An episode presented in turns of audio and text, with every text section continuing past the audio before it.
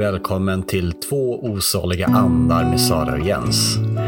Och här kommer del två av intervjun med Mikael Grenholm.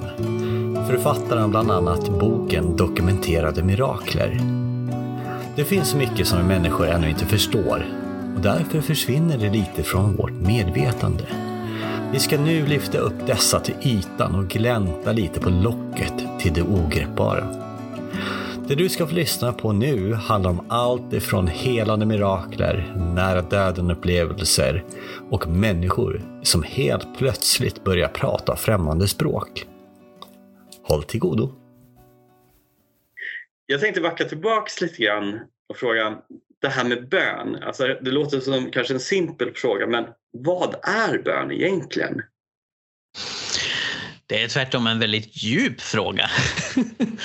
Ehm, jag skulle ju säga att bön är kommunikation med Gud som på grund av att Gud är allsmäktig och eh, allestädes närvarande kan ta sig en massa olika uttryck. Jesus säger ju själv, Gud vet vad ni vill ha innan ni har bett om det. och då kan man ju fråga sig vad är det då för poäng att be? Mm.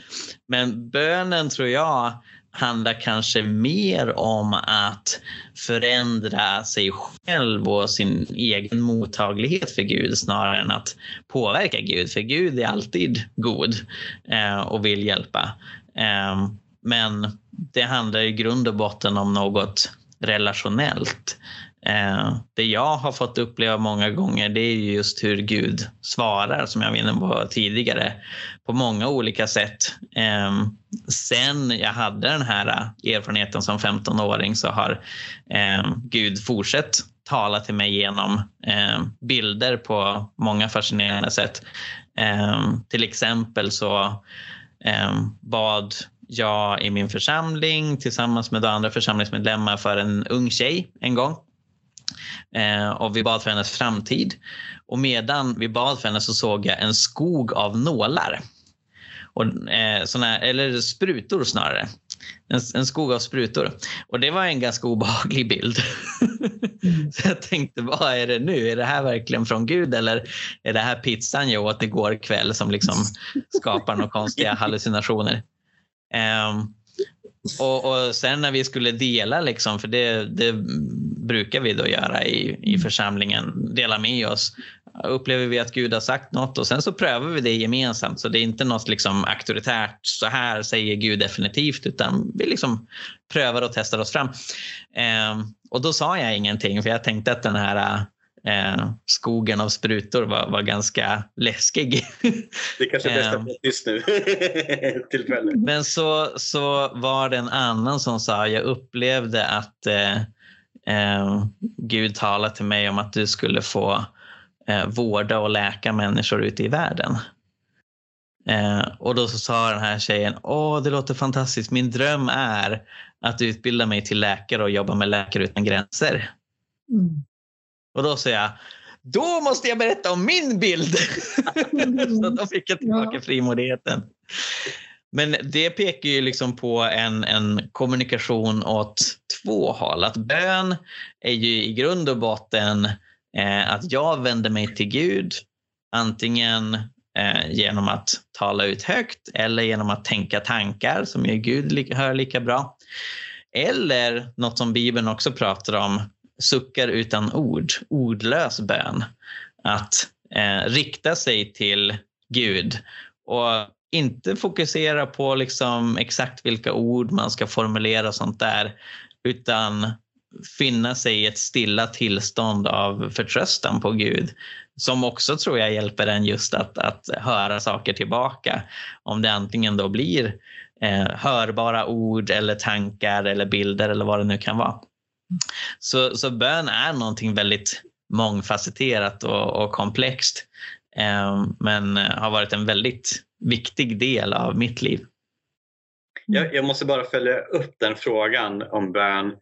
Eh, när du gjorde den här boken och eh, du fick ju i alla fall undersöka ganska många fall i Sverige och sen förstår jag det här med USA och sånt men där kanske du inte gick in fall för fall lika mycket. Men finns det någon komponent eh, som har, försöker finna orden här, kvaliteten på bön. Alltså hur, hur stark viljan att kommunicera med Gud eller hur bönen är med liksom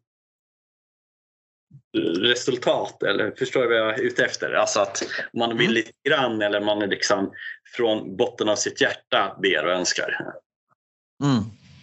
Nej men precis och, och, du är inte den enda som ställer frågan. Finns det några mönster? Finns det något som utmärker just de böner som faktiskt gör att folk blir friska? För flera av de här fallen inkluderar människor som har fått bön många gånger.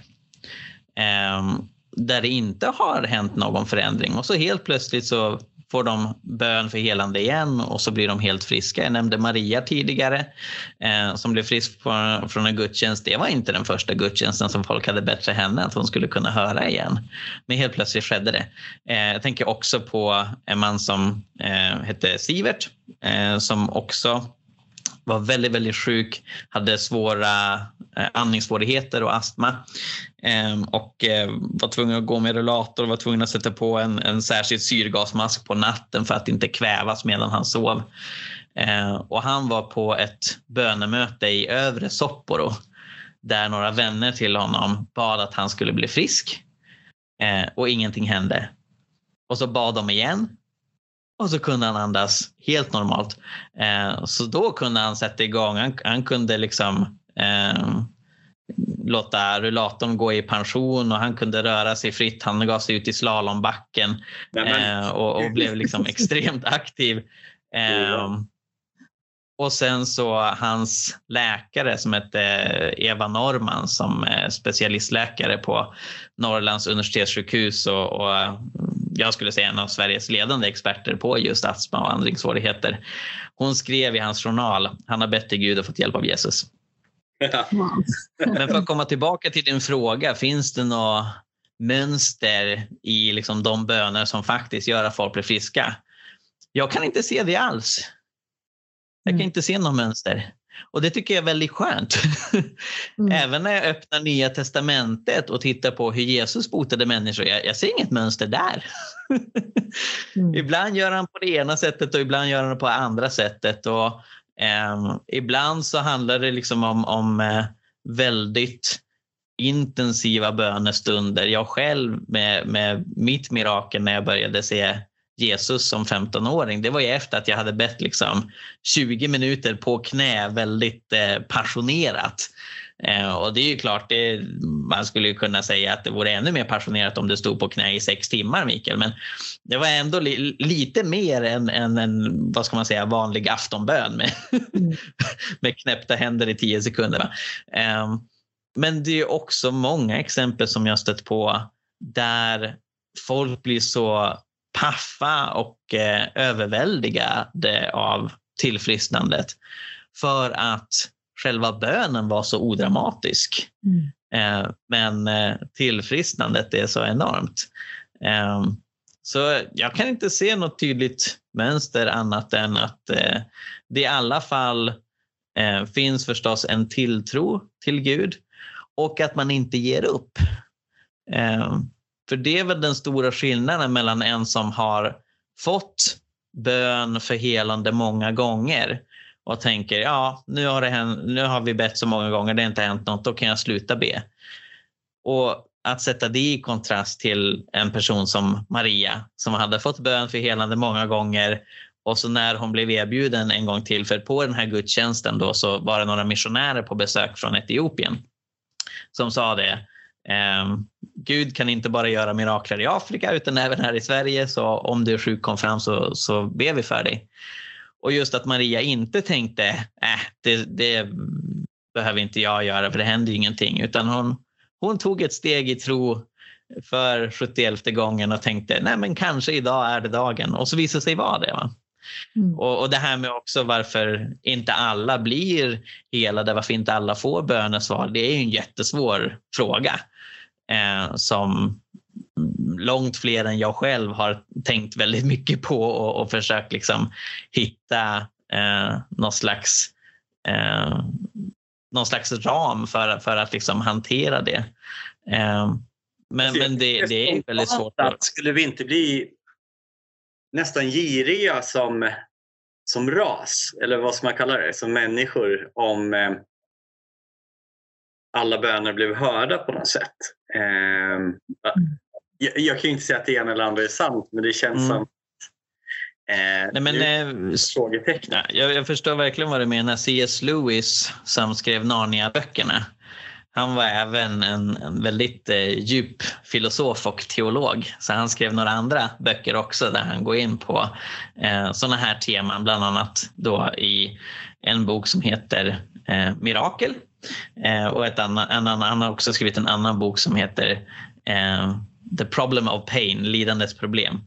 Eh, och jag tror att det är den senare boken som han är inne just på det här att om vi levde i en värld där eh, allting hela tiden gick bra och eh, där ingen kunde skada någon annan. Var, varje bandit som försökte slå någon med en batong fick se batongen förvandlas till gräs innan den hann träffa någons huvud och så vidare.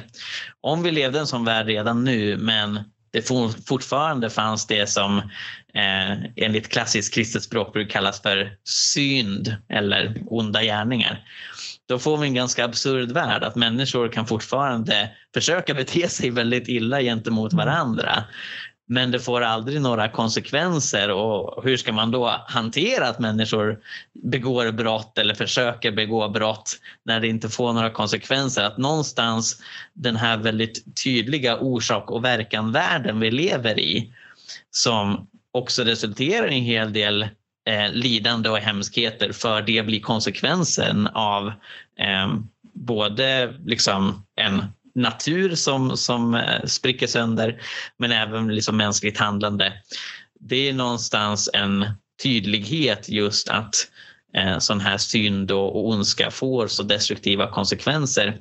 Och det Bibeln utlovar är en evig framtid utan både lidande och synd.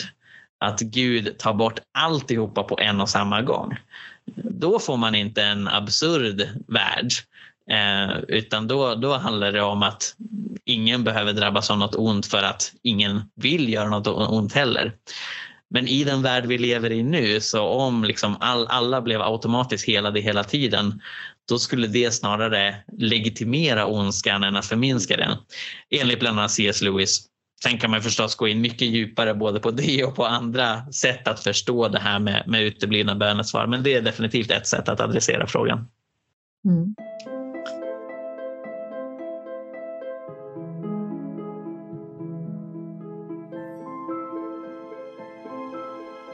Har du kommit i kontakt med, eh, jag och Jens, vi har snöat in lite grann på nära döden-upplevelser i, i omgångar. Har du mm. kommit i kontakt med några sådana exempel eh, i relation till eh, mirakler? Absolut, absolut. Jag har inte undersökt det lika djupt som eh, vare sig helandena eh, som vi har pratat om här eh, eller språkmirakler. Jag kom ut med en ny bok förra året eh, som tittar djupare på när människor talar språk de aldrig har lärt sig eh, genom den heliga andens kraft. Eh, men jag har ju stött på en hel del eh, berättelser och en, en del också väldigt väldokumenterade exempel på just nära döden upplevelser eh, där personer som då har varit nära att dö har sett saker och fått del av information som de inte borde känna till. Eh, Jag vet att det finns en amerikansk forskare som heter Gary Habermas som har undersökt det här väldigt mycket och som har gett ut en bok på ämnet. Eh, han sätter det i relation till Jesus uppståndelse. Eh, för det är ju många som tvivlar på eller helt enkelt avfärdar tanken på att Jesus kunde uppstå från döden. Återigen genom att säga nej men sådana där mirakelhistorier det är bara hokus pokus, det är bara rövarhistorier, sånt kan man inte ta på allvar. Men det Gary Habermas gör att han pekar på de här nära, nära döden upplevelserna i vår tid med människor mm. som liksom vi kan gå till och intervjua. Att här finns det något mer än att när man dör så blir det den här raderingen som jag fruktade när, när jag var ateist. Jag tänkte ju egentligen att det var självklart. Ja, när jag dör så liksom är allt över. Men nära döden-upplevelser pekar ju på att så enkelt är det inte. Det finns något mer. Och det talar också för att ta de eh, människor som, som eh, var ögonvittnen till händelserna kring Jesus på allvar när de säger att han är inte längre kvar i graven, han har uppstått från de döda. Mm. Eh, I många av de här nära döden-upplevelserna så, så får de ju ofta en jag, jag har egentligen ingen statistik på det, men man får känslan av att det är ofta så att, de, att eh, Gud ger dem en, eh, en uppgift. Eller att de, får, de kommer tillbaka av en anledning, att de ska eh, dela med sig av sin upplevelse eller eh, missionera, sprida ordet, få andra att eh, förstå saker och ting. Tror du att det finns någon sån aspekt i mirakler? Att man blir botad för att man ska dela med sig? Nej, men det kan absolut finnas. Sen så tror jag inte att det är den enda förklaringen till var, varför vissa blir friska och inte andra, varför andra inte kommer tillbaka och, och, och så vidare. Va? Eh, jag brukar säga det, både den andliga världen och den mänskliga kroppen är otroligt komplexa. Och vi förstår inte något av det helt och fullo. Så det är inte särskilt konstigt att just interaktionen mellan dem med hur det andliga påverkar vår hälsa är väldigt uh, svårkomplicerat. Men jag har faktiskt träffat en person som eh, kom tillbaka från döden enligt vad både han och flera andra eh, berättade om. Jag har nog inte med det i boken tror jag inte för att ehm, eh, jag lyckades inte eh, få eh, läkarutlåtanden och, och journaler och, och sådana saker eh, när jag frågade om det. Och det tror jag egentligen inte beror på att det inte finns, men det här skedde i Sydafrika eh, på ett mindre sjukhus där jag tror att de är dåliga på att digitalisera saker så det är svårt att liksom gräva fram långt efteråt. Um, men jag skulle kunna dela det kort om ni vill för det är ju liksom verkligen inne på det här med, med nära döden upplevelse. Så den här personen heter Francis Ngwe. Han är pastor i en liten by i Sydafrika som heter Klau Klau. Eh, och jag var i Sydafrika för tio år sedan, 2013 när jag läste utvecklingsstudier på Uppsala universitet. Eh, då skrev jag en C-uppsats om hur tron på mirakler påverkar bistånd eh, och fick då besöka organisationen som Francis jobbar med som heter Iris Africa. Jag hade hört talas om Francis vittnesbörd tidigare. Den finns med i en film som heter Finger of God som utforskar mirakler på olika sätt. Eh, så, så fort jag kom dit till organisationen i Sydafrika så sa jag till honom, jag vill jättegärna träffa Francis och intervjua honom. Så det fick jag göra. Och han berättade att de hade haft en ungdomskonferens 2003, så det är 20 år sedan nu, i september, där Francis var ansvarig för att hålla koll på vilka det var som gick in och ut i, i lokalen. Och då så kom det ett kriminellt ungdomsgäng som stannade sin bil utanför och sa vi vill komma in. Francis förstod väldigt snabbt att de här vill ställa till en massa bråk. Så han sa ni får inte komma in. Och då så började de misshandla honom. Ehm, och utan att gå in på allt för många detaljer så efter ett tag så såg Francis sin egen kropp fast ovanifrån. Eh, och eh, märker hur han åker uppåt mot himlarymderna. Jag har ju då också pratat med andra som var med vid tillfället och såg hur han blev misshandlad till döds. Eh, en kvinna som jag pratade med sa att han var alldeles likblek efter det där eh, och sen kom en ambulans och hämtade honom. Det Francis då upplever medan hans kropp eh, då ligger alldeles blodig på marken eller i en ambulans det är att han ser mängder med människor och änglar som står och prisar Gud tillsammans. Eh, och det han sa till mig var att jag insåg att här kommer det inte komma något barn till mig och säga pastor Francis hjälp mig, jag har ingenting att äta. För Klau Klau är en väldigt fattig by. När jag var där så åkte de omkring med häst och vagn. Eh, väldigt jordbruksbaserad ekonomi. väldigt många barn som hade trasor eh, på kroppen. Eh, så det Francis och hans församling ägnar sig väldigt mycket åt är just socialt arbete gentemot eh, de fattigaste. Och Francis kände att det var helt underbart att få vara hemma hos Gud och aldrig mer behöva liksom se människor som lider. Och så hör han en röst som säger Francis, Francis. Och så är det som att han åker ner igen, vaknar upp på sjukhuset och bredvid sjukhussängen så sitter en annan pastor som heter Surprise Sitoli eh, och som jag också träffade i Sydafrika. Så Surprise hade eh, bett att Gud skulle uppväcka Francis från döden. Eh, för det var efter att läkare hade dödförklarat honom där på sjukhuset enligt då vad både Francis och Surprise sa till mig. Så Francis var tillbaka och han var så ledsen. Han sa åh nej, jag är tillbaka bland problemen. Men så sa han later I was very happy that Pastor Surprise raised me from the dead. Mm. Eh, för att och det här eh, knyter an till det du sa Sara. Han har ju verkligen en övertygelse om att han fick komma tillbaka just för att berätta för människor att himlen finns på riktigt, att Gud finns på riktigt. Att människor inte behöver vara rädda för döden men däremot eh, behöver eh, ha rätt inställning till Gud och till Jesus. Eh, och det är ju någonting som han eh, sedan dess då, under de 20 år som har följt detta verkligen passionerat har predikat runt om i Sydafrika. Eh, så, så det är ju en väldigt dramatisk historia och jag önskar att, att jag som hade eh, lyckats få tag på bättre dokumentation på detta. Jag fick som sagt utelämna det från boken av, av den anledningen. Men som en eh, personlig berättelse både från Francis själv och då från andra människor som var med vid tillfället som jag fick prata med eh, så var det verkligen något som berörde mig djupt. Mm. Mm. Förstår det. Det finns så mycket andra väldokumenterade sådana här fall. Så det går ju att hitta. Ja, ja precis. Jag tycker det, det här skulle kunna bli bok tre, din serie om eh, ja. mirakler. Om vi får önska, eller vi kanske ska be. eh, ja, men precis. Jag tänkte, eh, jag vet inte hur mycket du, du nämnde lite i din bok det här med ehm, eh, bön och mirakler. Eh, men det finns ju också, vad ska man säga, naturfolk och andra religioner som det verkar också men jag vet inte hur, hur långt du har djupdykt i, i de här delarna.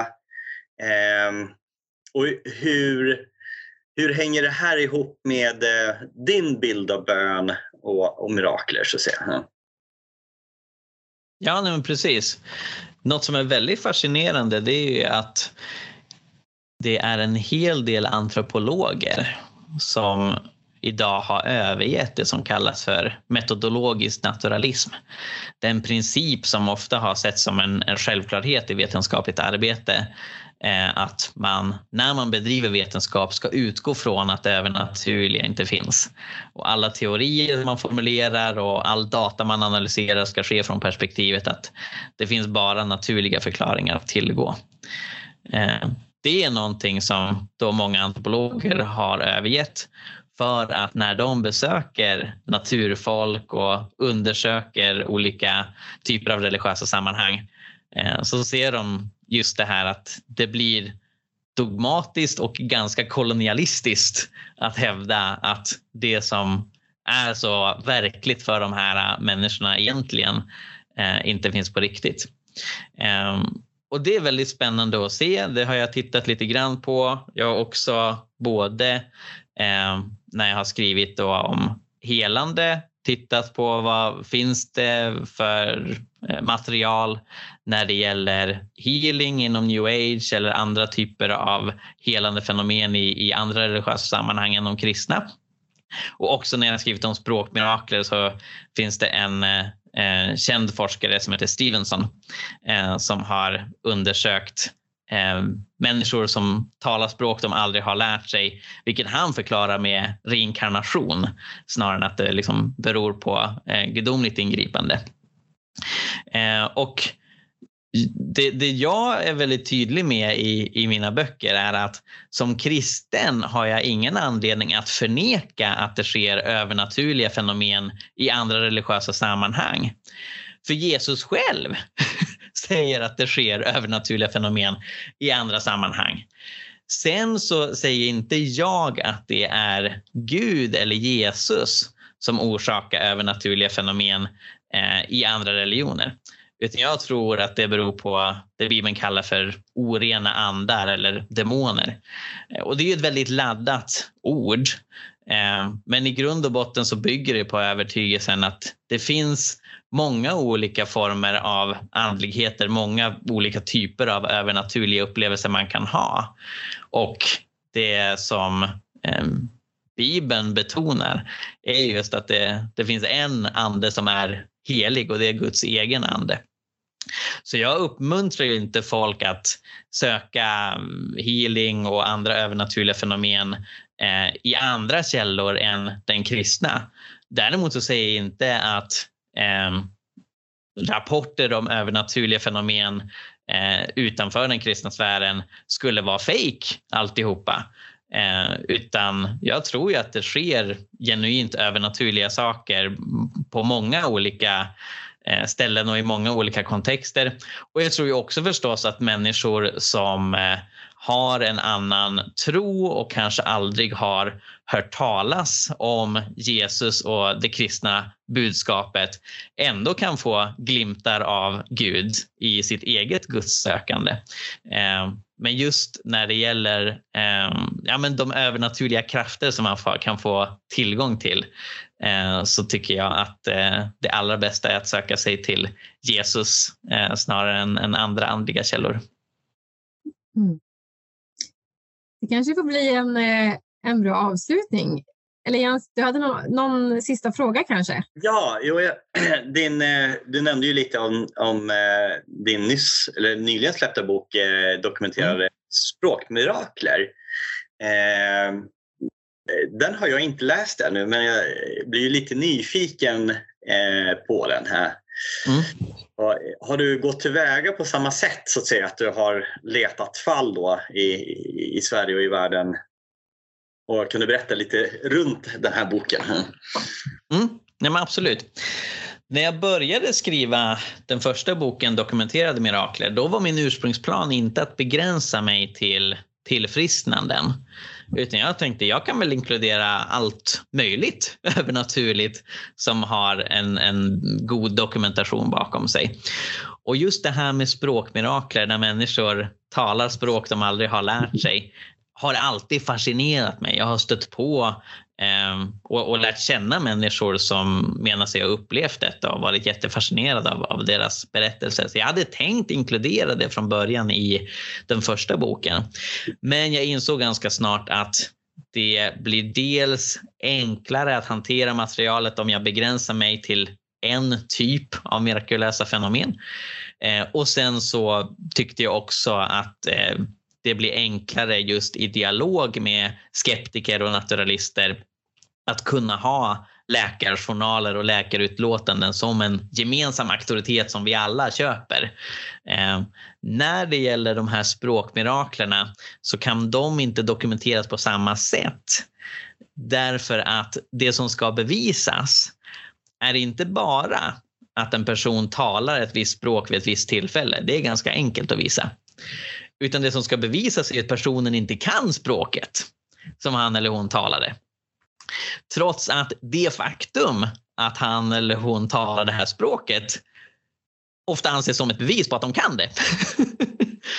så i grund och botten så... så dualitet i det hela ja. Ja, nej men så, så dokumenterade språkmirakler är en bok där jag så gott som jag bara kan eh, försöker visa genom att använda mig av flera olika källor, intervjua flera människor som var med vid samma tillfälle, visa att här verkar det finnas något.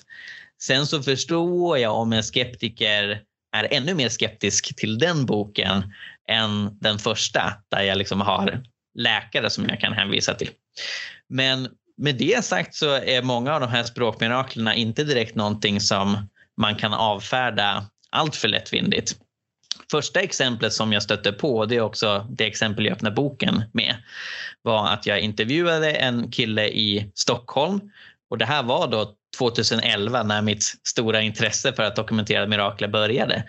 Eh, han hade varit på ett bönemöte på något som heter Stockholms bönehus eh, och där så hade han talat i tungor som är en vanlig kristen praktik i många pingstkarismatiska sammanhang. Att man eh, säger ord man själv inte förstår utifrån hur man upplever att Gud vägleder en.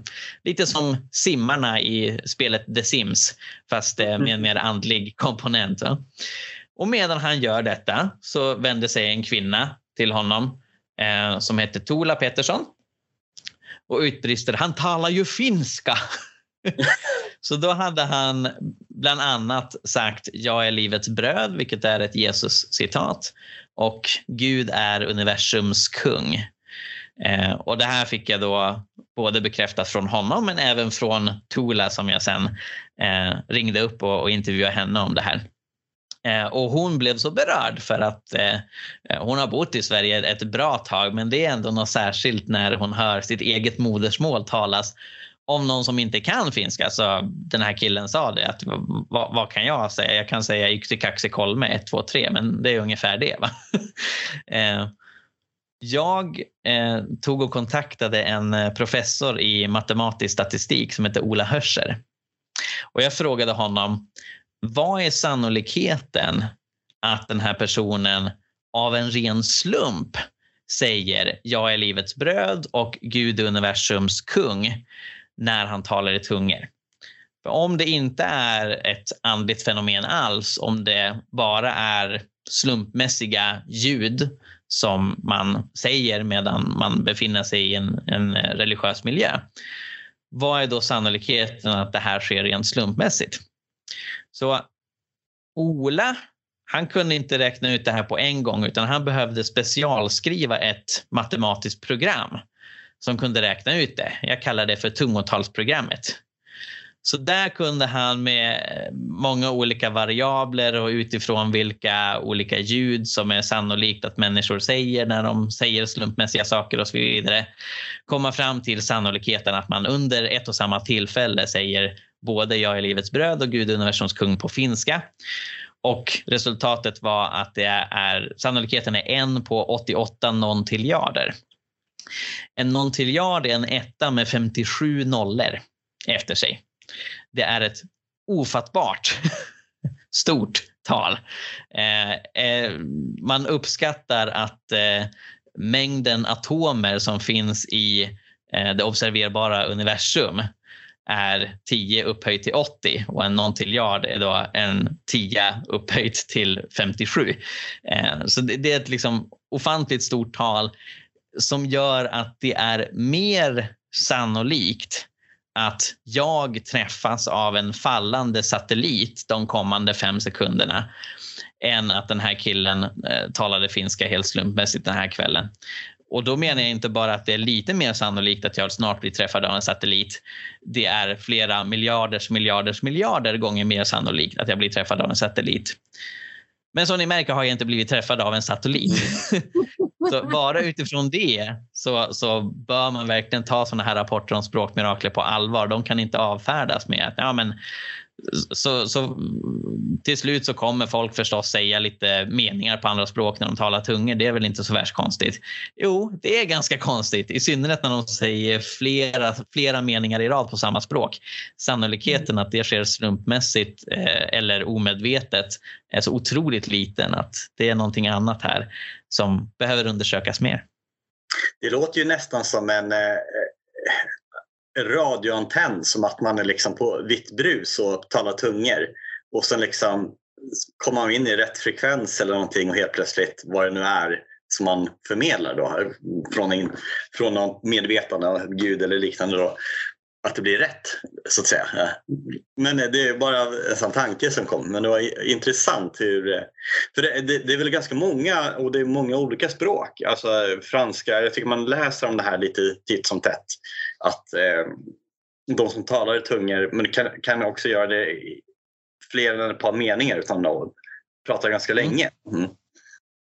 Nej men precis och, och i dokumenterade språkmirakler så tror jag det är över 40 olika språk som jag har med där. Allt ifrån albanska till zulu och allt mitt emellan. Eh, nej men så det är jättefascinerande och, och väldigt ofta när, när folk talar i tungor så är det inte Eh, med syfte att någon annan ska förstå. Man använder det mer som bönespråk. Vi pratade tidigare om, om eh, eh, suckar utan ord som Bibeln beskriver. Att, att eh, kunna be utan att fokusera på hur man ska formulera sig. Många använder tungotalet som just ett sådant bönespråk. Eh, att man ställer in sig i kommunikation med Gud men man tänker inte på vad man själv ska säga. Eh, så det är många som blir förvånade när de plötsligt upptäcker att någon annan har förstått vad de säger. Mm. Eh, och eh, ett annat väldigt vackert vittnesbörd som jag då stötte på var att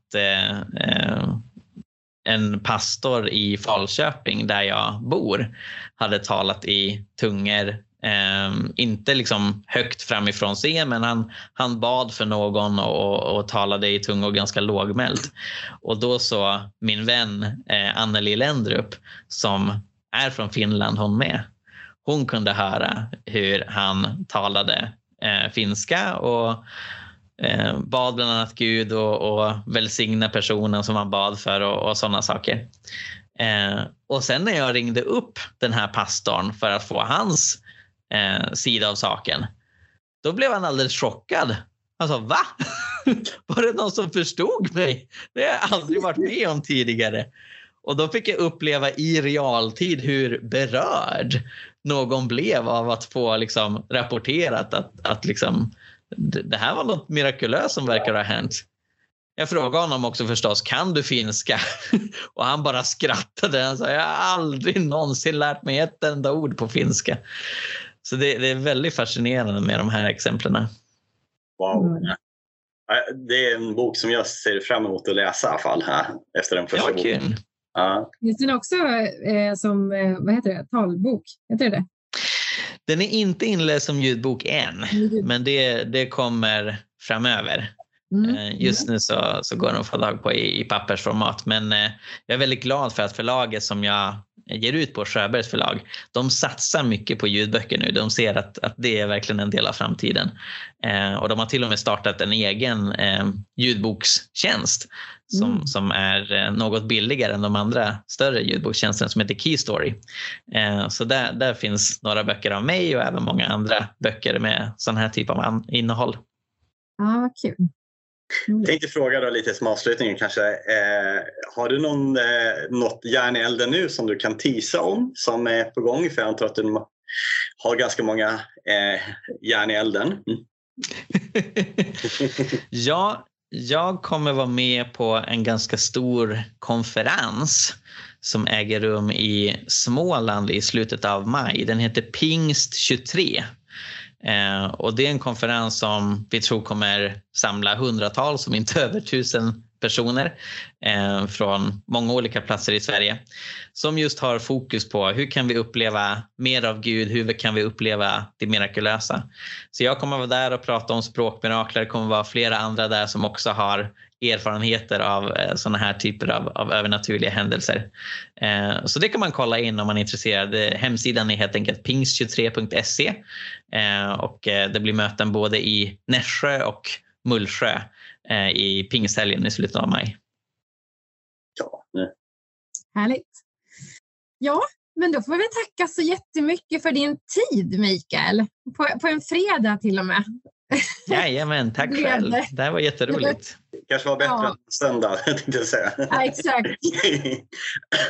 ja, nej, men stort tack och eh, stort lycka till också med, med din bok och allt du tar dig för det här framöver. Tack så jättemycket. Ja, stort tack Mikael. Det var jätteintressant att lyssna på dig. Mm.